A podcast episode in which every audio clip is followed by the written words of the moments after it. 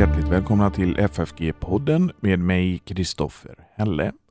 Och idag så ska vi eh, få lyssna till ett föredrag av Daniel Johansson. Men eh, först så vill jag gärna säga att om man vill ge ett bidrag till församlingsfakultetens arbete eller till poddens arbete, gör det gärna på Swish. Numret är 123 100 8457 och så märker man det med FFG Podcast eller FFG Gåva. För andra sätt att bidra till församlingsfakultetens arbete besök vår hemsida ffg.se. Ja, vi ska lyssna på eh, ett föredrag av Daniel Johansson från fakultetens dag i höstas med titeln Lilla katekesens anatomi, dess inre struktur och funktion. Så nu Daniel Johansson, god lyssning.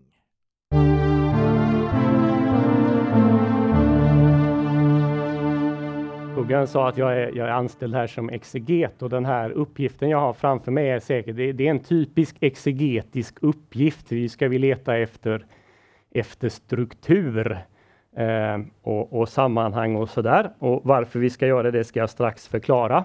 Ni som var med i, i morse, ni hörde eh, John Pless säga att Lilla katekesen är liksom strukturen, eh, eh, skelettet till den kristna tron. Och nu ska vi ägna oss åt det här skelettet. Nu ska vi göra anatomi på det här. Nu ska vi liksom skära upp det för att se det. Och för en, en del av er så kan det vara så här att det jag säger idag är självklarheter. Det här har ni sett hela tiden. Um, för den gång ni lärde er katekesen, kanske på egen hand, så hade ni den iakttagelseförmågan. Eller så hade ni någon lärare eller präst som pekade på strukturen. När jag själv lärde mig katekesen första gången, då gjorde jag det helt och hållet på egen hand. Jag tror jag var 9-10 år. Jag visste att äh, som, som kristen så skulle man kunna katekesen, så jag satte igång och, och, och lärde mig den helt enkelt.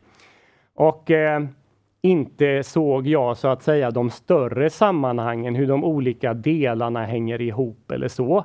Och jag har väldigt sällan i undervisning hört någon peka på det. Så för en del så är det kanske nyheter helt och hållet och för andra så är det självklarheter.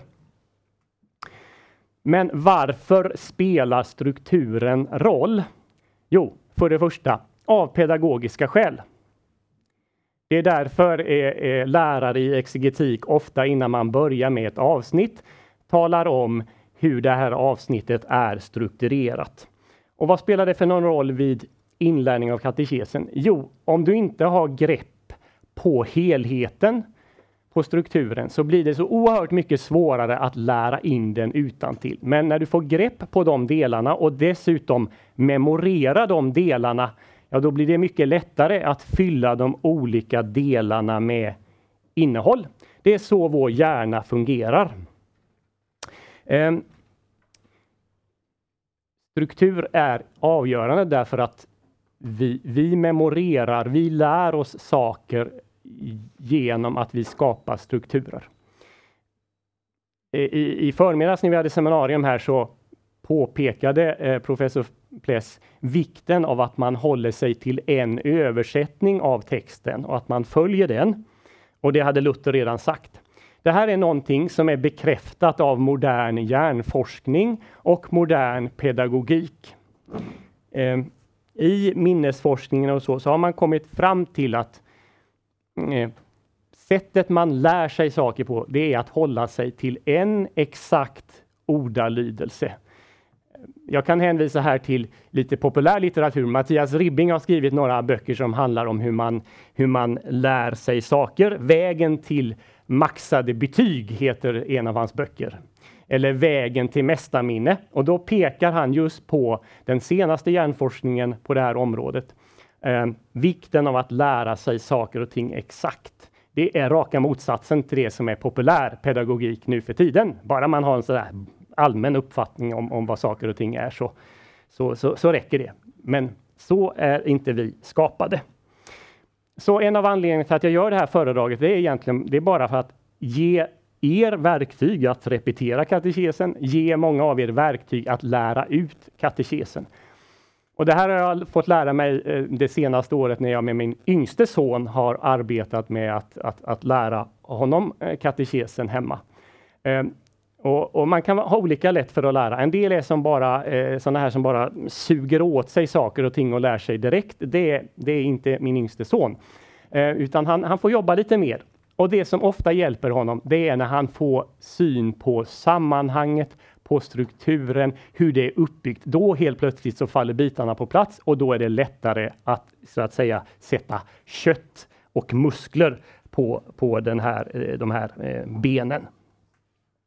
Eh, den andra saken som inte är helt oväsentlig och den förutsätter naturligtvis att Luther har med Lilla katekesen gjort en genomtänkt produkt.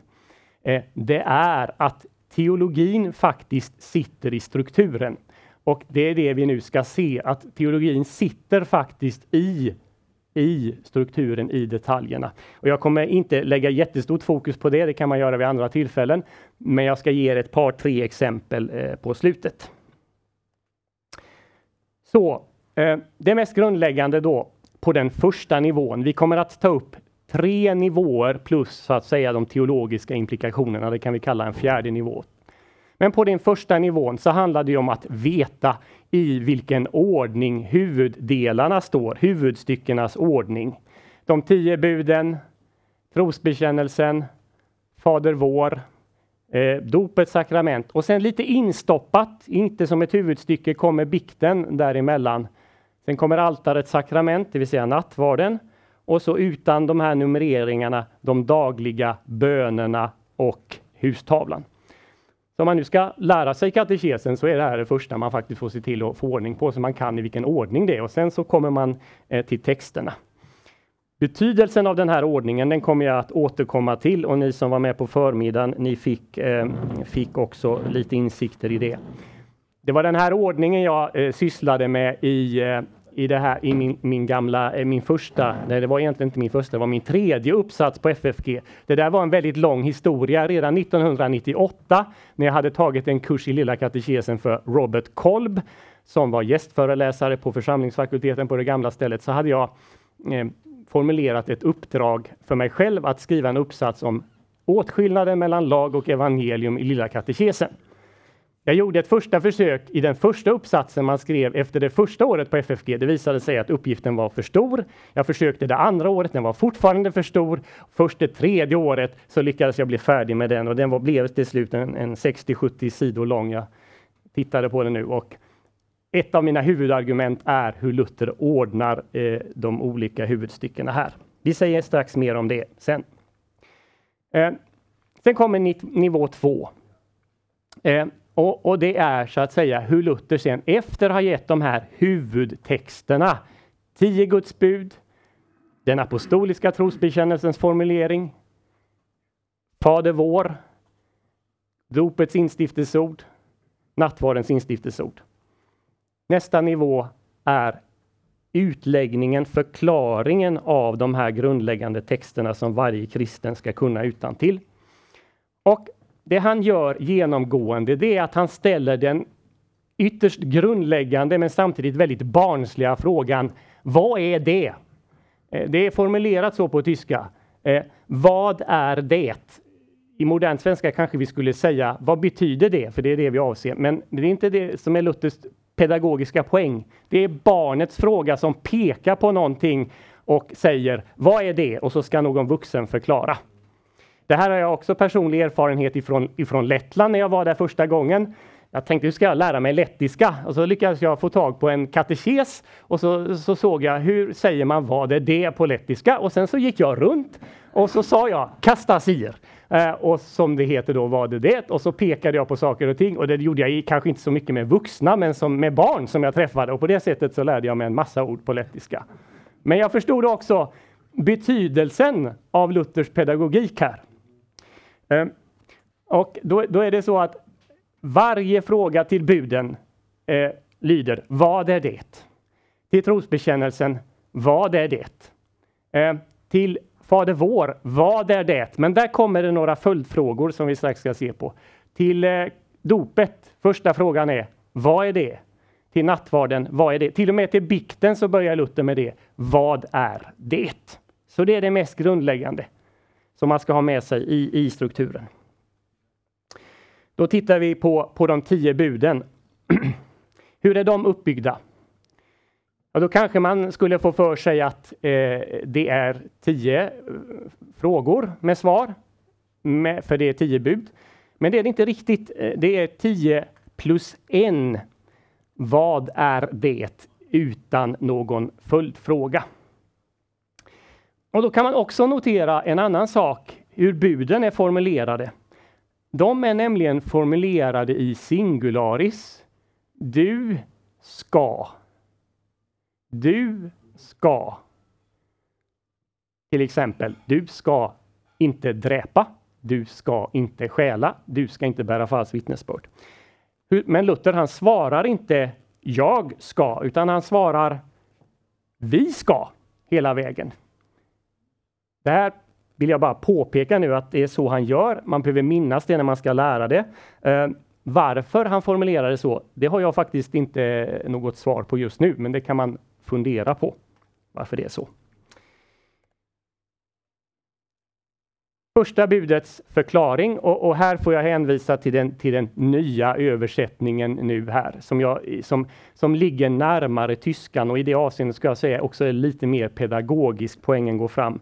Ehm, jag, jag, lärde mig själv en gång i tiden eh, att vi ska frukta och älska Gud över allting och sätta all vår förtröstan till honom. Så fick jag lära mig. I den nya översättningen nu så säger den vi ska frukta, älska och förtrösta var det väl nu. Se, jag har inte lärt mig den. Eh, på Gud över allting. Ja. Vi ska frukta, älska och förtrösta på Gud över allting. Eh, och det som nu är Luthers geni här får vi väl säga, men som också faktiskt säger någonting om vad han vill säga med det här.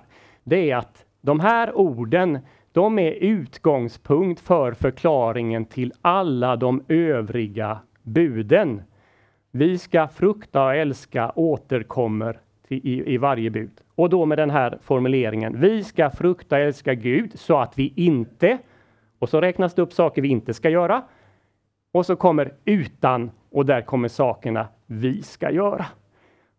Så ha, den som nu håller på att lära sig det får grepp om det, så har man ju redan formen klar, så behöver man bara fylla den med lite innehåll till varje bud. Sen finns det en sammanfattande fråga, det är den som är plus ett här.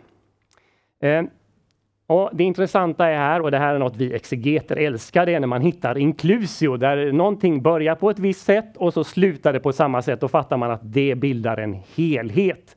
Om ni hör Timo och mig undervisa så hör ni att inklusio är ett ord som dyker upp i nästan varje föreläsning. Eh, och Luther har gjort en inklusio här. Därför att i sammanfattningen till buden, det som är den elfte frågan, så ställer han frågan Vad säger nu Gud om dessa bud?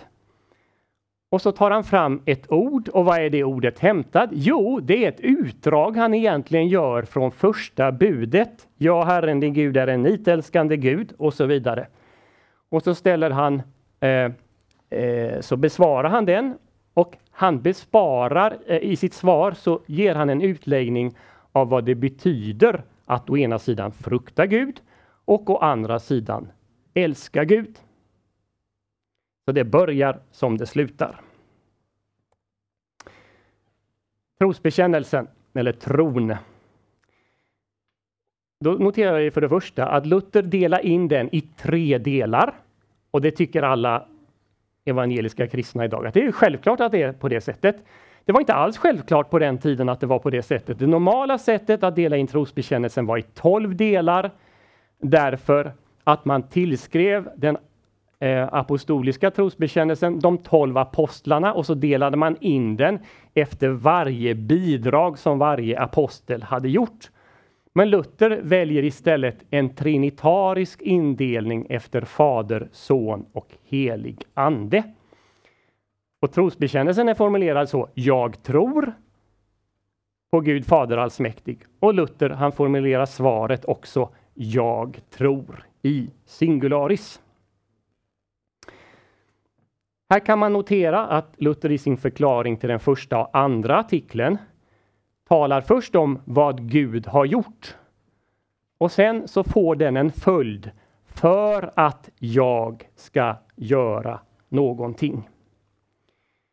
I den tredje artikeln så finns liksom tillämpningen med i förklaringen hela vägen. Hur Gud nu arbetar med mig för att tillämpa det han har gjort först i skapelsen och sedan inte minst i eh, återlösningen genom Sonen. Och här inkluderas nu inte bara jag. Jag tror, men jag gör det tillsammans med hela kristenheten. Här ska vi också notera refrängen eh, som kommer här. Det börjar med jag tror och man kan säga att det slutar med jag tror eller kanske rättare med ett amen. Det är verkligen sant. Jag tror. Det är verkligen sant. Så börjar och slutar då varje del. Herrens bön är som ni vet indelad i sju böner. Luther följer dessa sju bönepunkter, men till det så lägger han en fråga före som berör Fader vår, om Fadern, och så en fråga i slutet som är en uttydning av vad Amen betyder. Här inleds det som, som brukligt då med vad är det? Men till första, andra, tredje och frågan så följer också en, en följdfråga hur sker det? Som vad är det svarar på i fråga 1 3 och så eh, ställs i fråga 4 som ju handlar om vårt dagliga bröd. Vad är dagligt bröd? 4 plus T det är i, i Nya Testamentet ett, ett underbart symboliskt tal som kombinerar skapelsen, det är fyrtalet, och 3 det är Guds tal. 4 plus 3 är 7, vilket är det fullkomliga talet. Eh, sakramenten tar jag dem tillsammans, dopet och nattvarden eller dopets heliga sakrament och altarets sakrament. Här kan jag bara för, för övrigt få påpeka att det var inte helt självklart vad Luther skulle kalla det som man kallar för altarets sakrament. För vid den här tiden så kallades ofta nattvarden för brödets sakrament. Det kan man se i Luthers tidiga skrifter, brödets sakrament. Men här, här kommer det i tryck och jag är inte säker på att det är första gången riktigt, men, men, men, men det sätter så att säga eh, formuleringen för lutherdomen efteråt, altarets sakrament. Nå, de här två sakramenten byggs upp på samma eh, sätt med fyra stycken frågor. Den första frågan är Vad är det? På den följer sedan tre stycken följdfrågor. Och de tre första frågorna, vad är det plus de två första följdfrågorna, de är identiska för dopet och för nattvarden. Däremot så skiljer sig den fjärde frågan i de båda fallen. Men som vi ska se sen så är egentligen det också samma fråga fast de formuleras helt olika. Eh, och det som är viktigt här nu, eh, det är att Luther till var och en av de här frågorna eh, ger ett bibelstöd. Kanske formulerat så. Var står det skrivet? Och så kommer bibelcitatet. När det gäller dopet så anger Luther fyra stycken olika bibelstöd. Medan när han eh, ger bibelstödet till nattvarden så är det från fyra olika ställen, men de är harmonierade. Det är de fyra instiftelseorden vi har i Nya Testamentet, Matteus 26, Markus 14, eh, Lukas 22 och första Korintierbrevet 11. De ger han i en harmoni och sen till följdfrågorna så återkommer han till, den, till det stället och mer specifikt till orden för er utgiven och utgjutet till syndernas förlåtelse. De övriga delarna då på nivå 2, bikten, Ja, det liknar faktiskt eh, dop och nattvard därför att det ställs först tre frågor varav den första frågan är Vad är det? Vad är bikt? Och så kommer det två följdfrågor. Den fjärde frågan som sticker ut i det här sammanhanget, det är inte en fråga utan snarare ett påstående. Visa mig då en biktordning och sen så följer ordning för hur man kan bikta sig. Jag vet inte om allt är medvetet här från Luthers sida, men jag kan bara konstatera att just eh, siffran 4 dyker upp här ganska frekvent.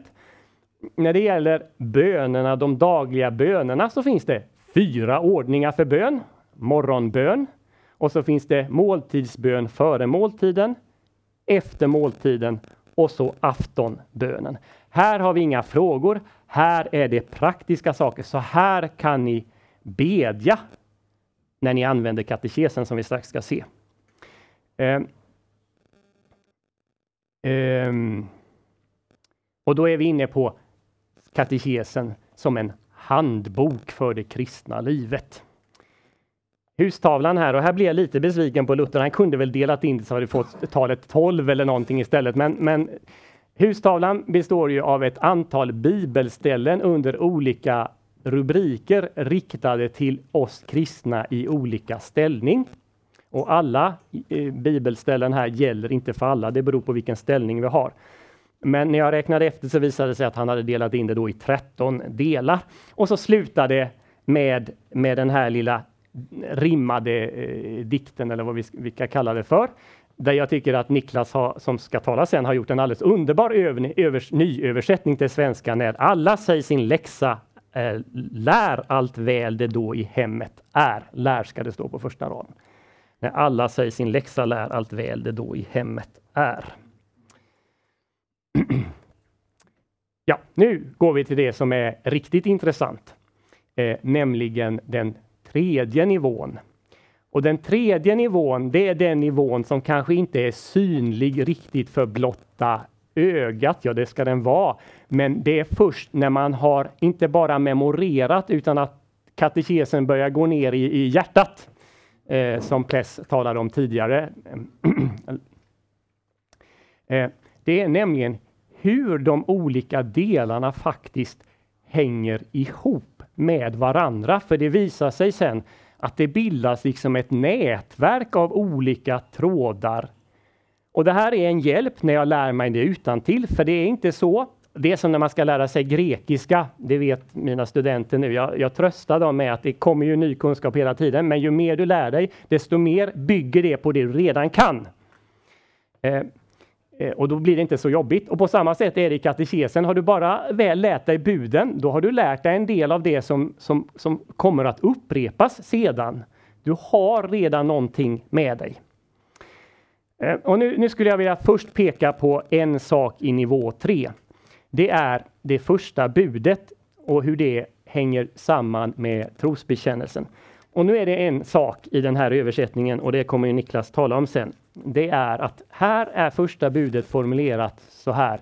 Jag är Herren din Gud och sen kommer du ska inte ha några andra gudar vid sidan av mig. Jag är Herren din Gud. Och det finns i en del utgåvor av katekesen från 1500-talet.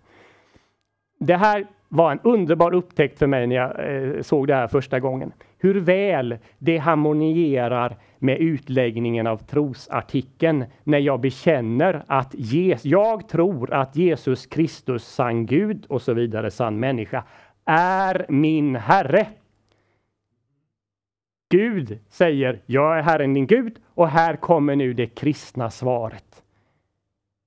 Jag tror att Jesus Kristus är min Herre.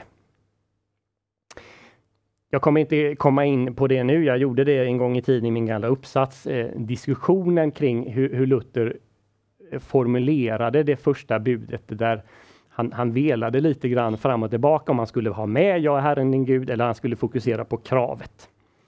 Jag tror det finns anledning att vi, vi har med Jag är Herren din Gud löftet först.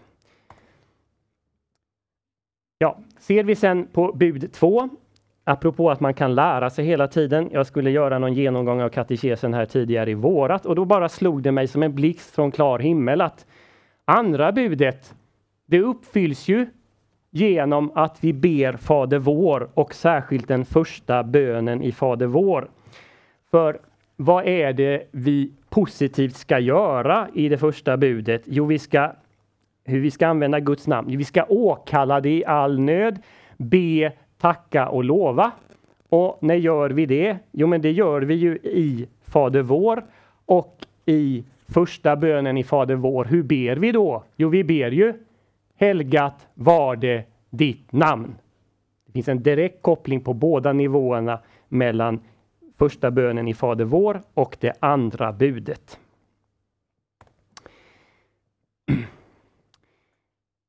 Det här är också en, en underbar koppling jag tycker i, i, i strukturen. Som vi påpekade förut eh, så avslutar Luther förklaringarna till trosbekännelsen med orden Det är verkligen sant. Jag höll på att säga det är visserligen sant, för så var det i den gamla översättningen. Det är verkligen sant. Men vad är det är verkligen sant? Ska vi säga, om vi säger det på arameiska, ja då blir det ju amen.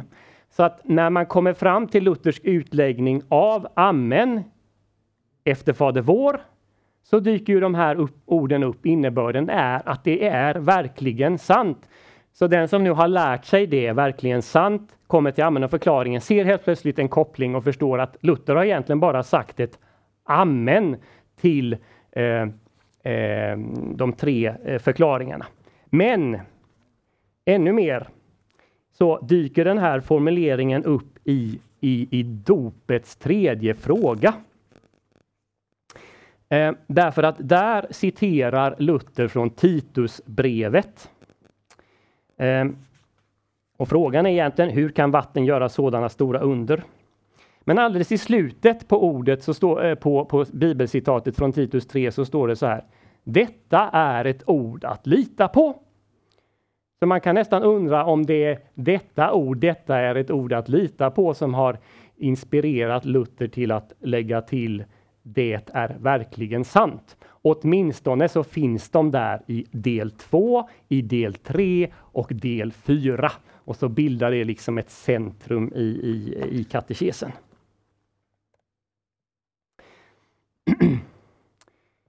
Vi fortsätter på den tredje nivån, eh, hur det tredje budet eh, hänger samman med den första bönen i Fader vår. Och då får vi börja med förklaringen till den första bönen.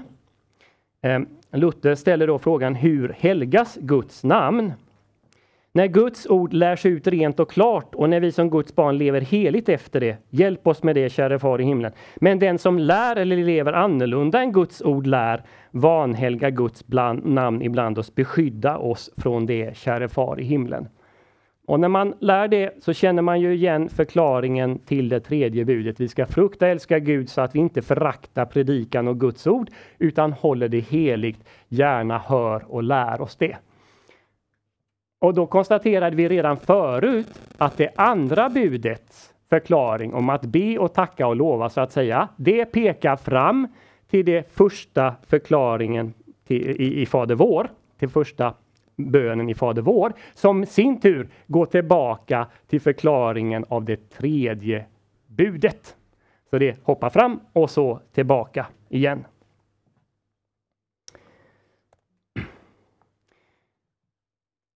Sen är det så med bönerna i Fader vår att de alla återknyter till något som har sagts tidigare. Eh, den and, då har vi redan konstaterat hur den första bönen återknut till utläggningen av det tredje budet. Ehm, den andra eh, bönen då, tillkommer ditt rike. Ehm, Guds rike kom av sig självt utan, även vår, utan vår bön, men vi ber i denna bön att det ska komma också till oss.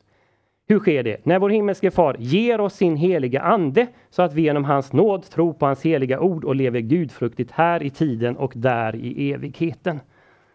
Och då förstår vi hur det knyter an till det tredje huvudstycket som säger jag tror att jag inte av mitt eget förnuft eller kraft kan tro på Jesus Kristus som en Herre eller komma till honom. Utan den helige Ande har kallat mig genom evangelium, upplyst i sina gåvor, helgat och bevarat mig i en rätt tro. Samma sak, men med lite annorlunda ord och formulerat mer som en bön.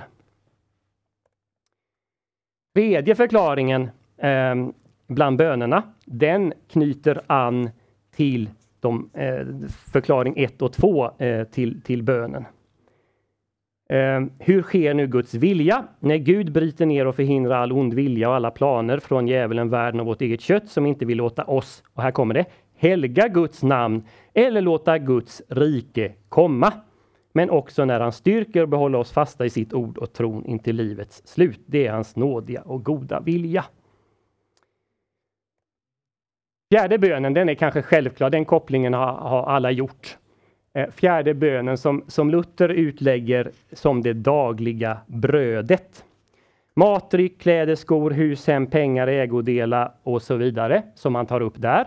Och då känner många igen det ifrån förklaringen till den första trosartikeln. När Gud har gett mig kropp och själ, ögon och öron, alla lemmar, förnuft och alla sinne, håller det vid makt att han försörjer mig dagligen med kläder, skor, mat och dryck, hus, hem, maka eller make, barn och så vidare. I fjärde bönen så ber vi om det som trosartikel 1 handlar om. Femte bönen, förlåt oss våra skulder. Den knyter ju då eh, naturligtvis tillbaka till utläggningen av tron, eh, den tredje, när vi ber att Gud ska förlåta oss.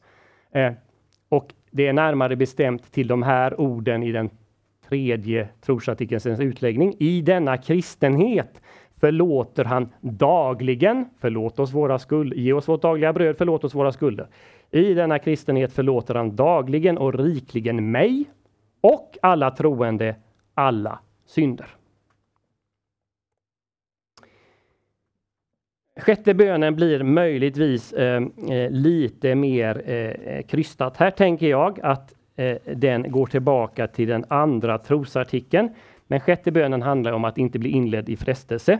Att vi ber att Gud ska beskydda oss och bevara oss så att djävulen, världen och vårt eget kött inte ska lura och locka oss till en felaktig tro.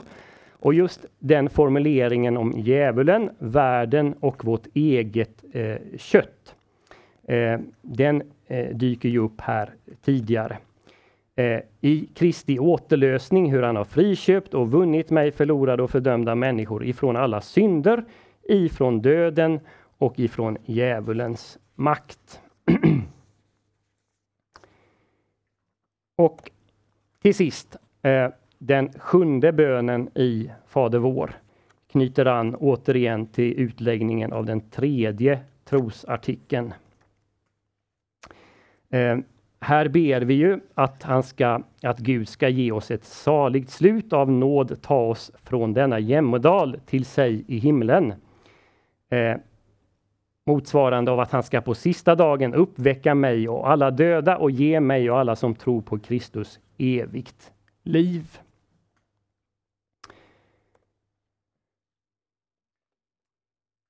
Eh, när vi sen kommer till sakramenten, och här tar jag dopet och nattvarden i parallell, så finns också de här anspelningarna till det man har lärt eh, tidigare.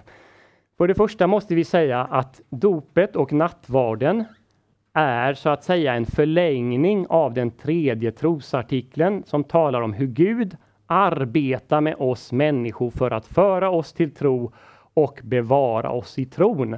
Och det gör han också medelst medel medelst dopets sakrament och altarets sakrament. Men eh, sedan finns det också eh, en del eh, formuleringar här i förklaringarna till, eh, till, till, de här, eh, till dopet och nattvarden som på ett särskilt sätt eh, pekar eh, tillbaka.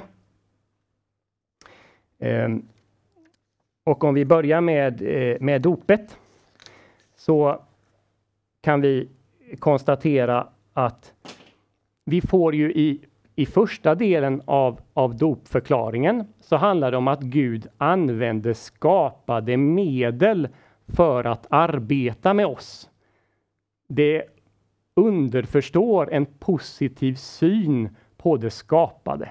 Och denna positiva syn på det skapade, den har kommit till uttryck i den första trosartikeln.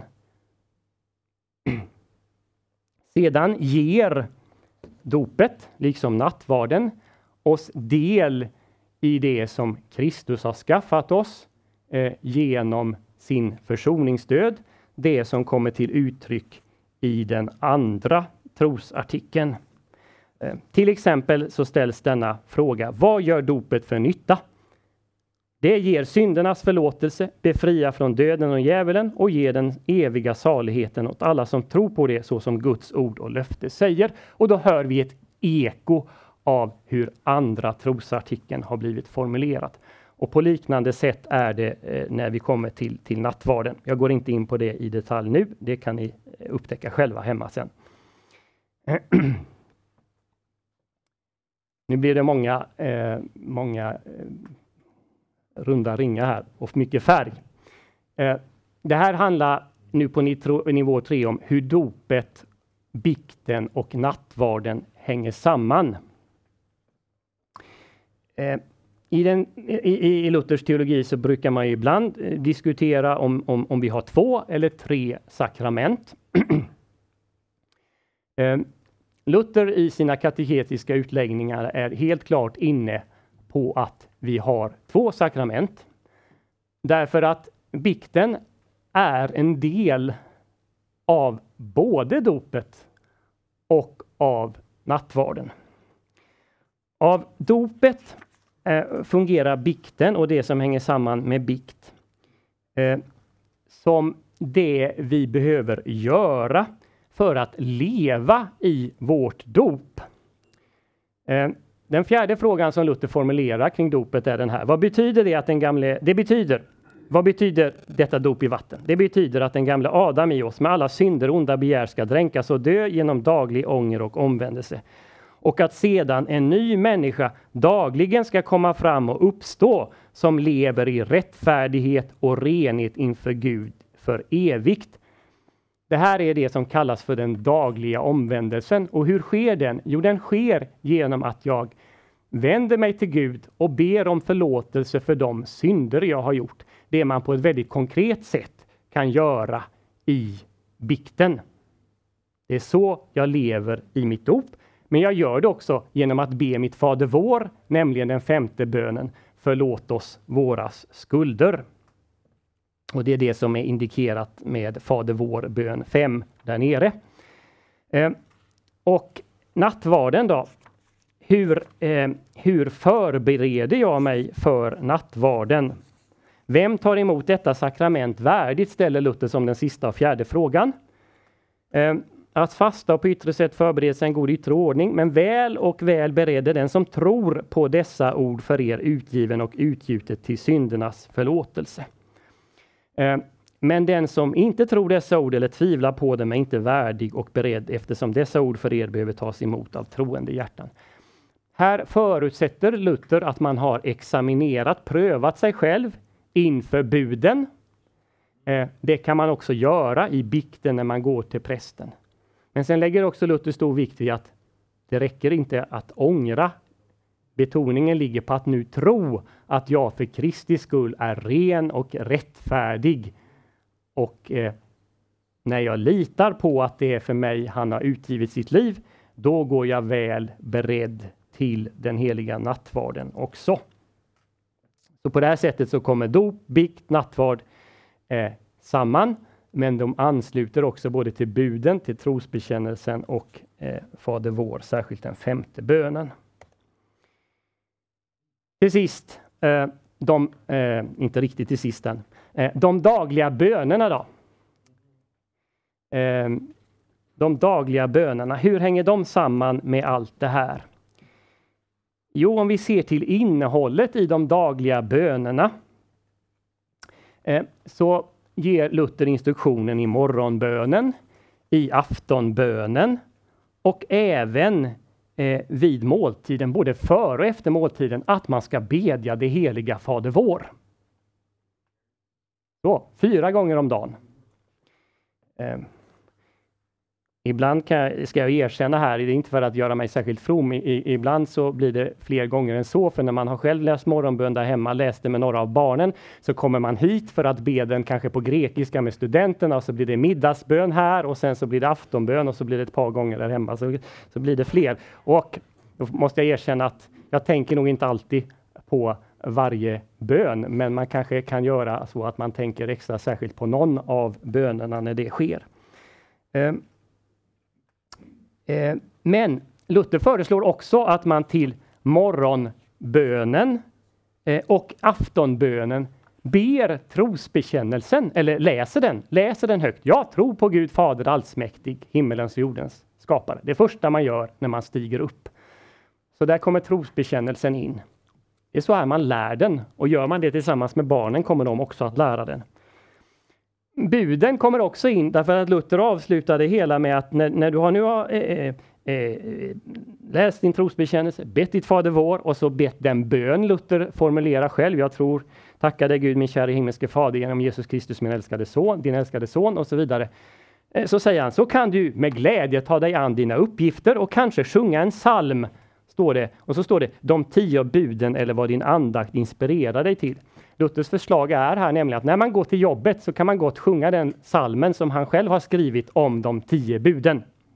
Eller om någon, någon annan. I, I våra svenska psalmbokstradition så har vi en variant som jag tror att eh, även vår reformator skrev om de tio buden. Till sist eh, vad gäller den här nivån eh, eh, så hänger buden och hustavlan ihop. Eh, så då får vi återigen en inklusio. För buden talar om vad Gud förväntar sig av dig i förhållande till honom och till medmänniskorna. Och så kommer då alldeles i slutet på katekesen en lång rad bibelord från det nya testamentet med apostlarnas förmaningar om hur vi ska leva i förhållande till varandra. Det är det som man i, senare Luthers teologi och, och protestantisk teologi eh, eh, talar om som lagens tredje buk. Här får man konkreta tips, förmaningar, förväntningar på hur man ska leva sitt liv. Och här finns det nu en diskussion bland olika lutherska teologer. Är det så här att Luther tänker sig att nu läser man buden eh, och så kommer man till trosbekännelsen som uppfyller buden och så ber man om, om uppfyllandet i Fader vår. Är det så att man sen börjar om och kommer tillbaka, att man i tron på Kristus så kan man också i någon mån uppfylla buden? Ska vi tänka oss att det går runt, runt, runt? Ja, det kan man göra. Andra menar att man ska tänka sig att vi, vi tar oss igenom hela katekesen, så vi börjar med vad Gud kräver vad lagen kräver av oss, hur Kristus uppfyller det och så kommer vi sen till så att säga de evangeliska förmaningarna om hur vi lever ut det i hustavlan. Jag tror att båda vägarna eh, fungerar väl. Så till sist något om, om själva teologin i strukturen här. Eh, då är det så här att det är ingen tillfällighet att Luther har placerat eh, huvudstyckena i den ordningen han har gjort. Det fanns katekeser långt före Luthers tid, men de hade i regel de här styckena i en helt annan ordning. Fram till 1450 så hade man haft trosbekännelsen först, Fader våren sen och buden på tredje plats. Efteråt och fram till Luthers tid så var Fader vår först, trosbekännelsen sen och buden därefter. Eh, till det kommer också att i alla de här katekeserna så alltså utlades också hur man skulle bedja Ave Maria.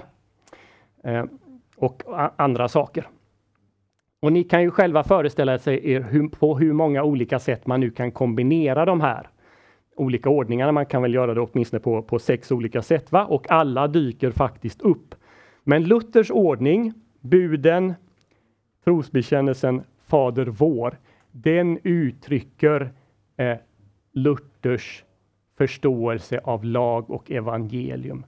Först kommer lagen och säger du ska göra det, du ska inte göra det. Jag upptäcker att jag kan inte uppfylla det. Hur ska jag bli räddad? Jo, genom att jag bekänner mig till den Jesus Kristus som min Herre som redan har räddat mig. Fader, trosbekännelsen kommer med alla dessa underbara eh, löften om vad Gud har gjort och vad han gör. Och så här formulerade Luther saken redan i en kort framställning som han skrev 1520. Buden anger vad vi ska göra och låta vara. Tron anger vad vi ska söka och finna det buden kräver. Fader vår anger hur vi skall be om det.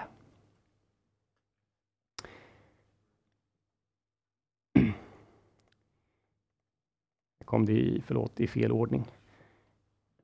En kommentar då kring första budet och hur det förhåller sig till de övriga. Nu såg vi att du, vi, vi skall frukta och älska att det återkommer. Och det är en jättebra pedagogisk poäng, men här i ligger också en teologisk poäng. För Luther utlägger saken så hela tiden att uppfyller vi det första budet, ja då kommer vi att uppfylla alla de andra buden. Alla övriga bud, både i förhållande till Gud och till nästan, hänger samman med det första och det grundläggande budet. Och just den saken har han ju då skrivit in i själva strukturen genom att göra den här kopplingen. Så det är inte bara en teologiskt skicklig sak att vi ska frukta, älska och återkommer, utan det visar hur alla de övriga buden hänger samman med det första. Och så här står det då i slutet på hans utläggning av första budet i Stora katekesen. Om hjärtat har det rätt ställt gentemot Gud och detta bud åtlydes, så följer de andra buden efter. Men Luther har mycket mer att, att säga om det. Men bara för att påpeka att teologin sitter i strukturen. Eh. Eh, och så Fader vår är den sista saken jag tar fram. Nu har vi redan konstaterat att alla bönerna i Fader vår, de anspela på saker Luther redan har tagit upp tidigare i anslutning till buden och särskilt till trosbekännelsen. Eh, och då utlägger han saken på följande sätt eh, i Stora katekesen.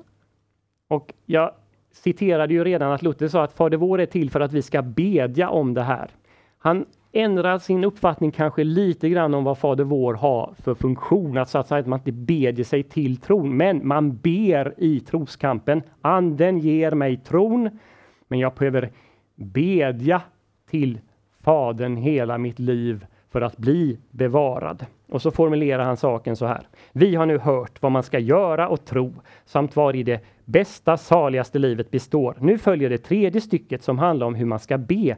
Ty medan det är så beskaffat med oss att ingen människa fullkomligt kan hålla de tio buden, även om hon har börjat att tro, och emedan djävulen jämte världen och vårt eget kött med all makt sätter sig till motvärn, så ingenting så nödvändigt som att beständigt ansätta Gud med åkallan, rop och böner att han måtte ge eh, uppehålla och föröka hos oss tron och uppfyllelsen av de tio buden samt undanröja allt som ligger oss i vägen och hindra oss därvid. Och om det nu är på det här sättet, då är det inte så konstigt att förklaringen till de sju olika bönerna på det närmaste hänger samman med buden och trosbekännelsen. Så det finns en pedagogisk poäng och en teologisk poäng.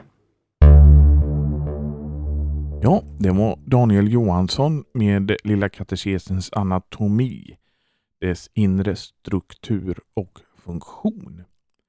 Och jag säger igen att om man vill ge ett bidrag till poddens och församlingsfakultetens arbete, gör det gärna på Swish. Numret är 123 100 8457 och så märker man det med FFG Podcast eller FFG Gåva. Och vi hörs igen nästa vecka. Hej då!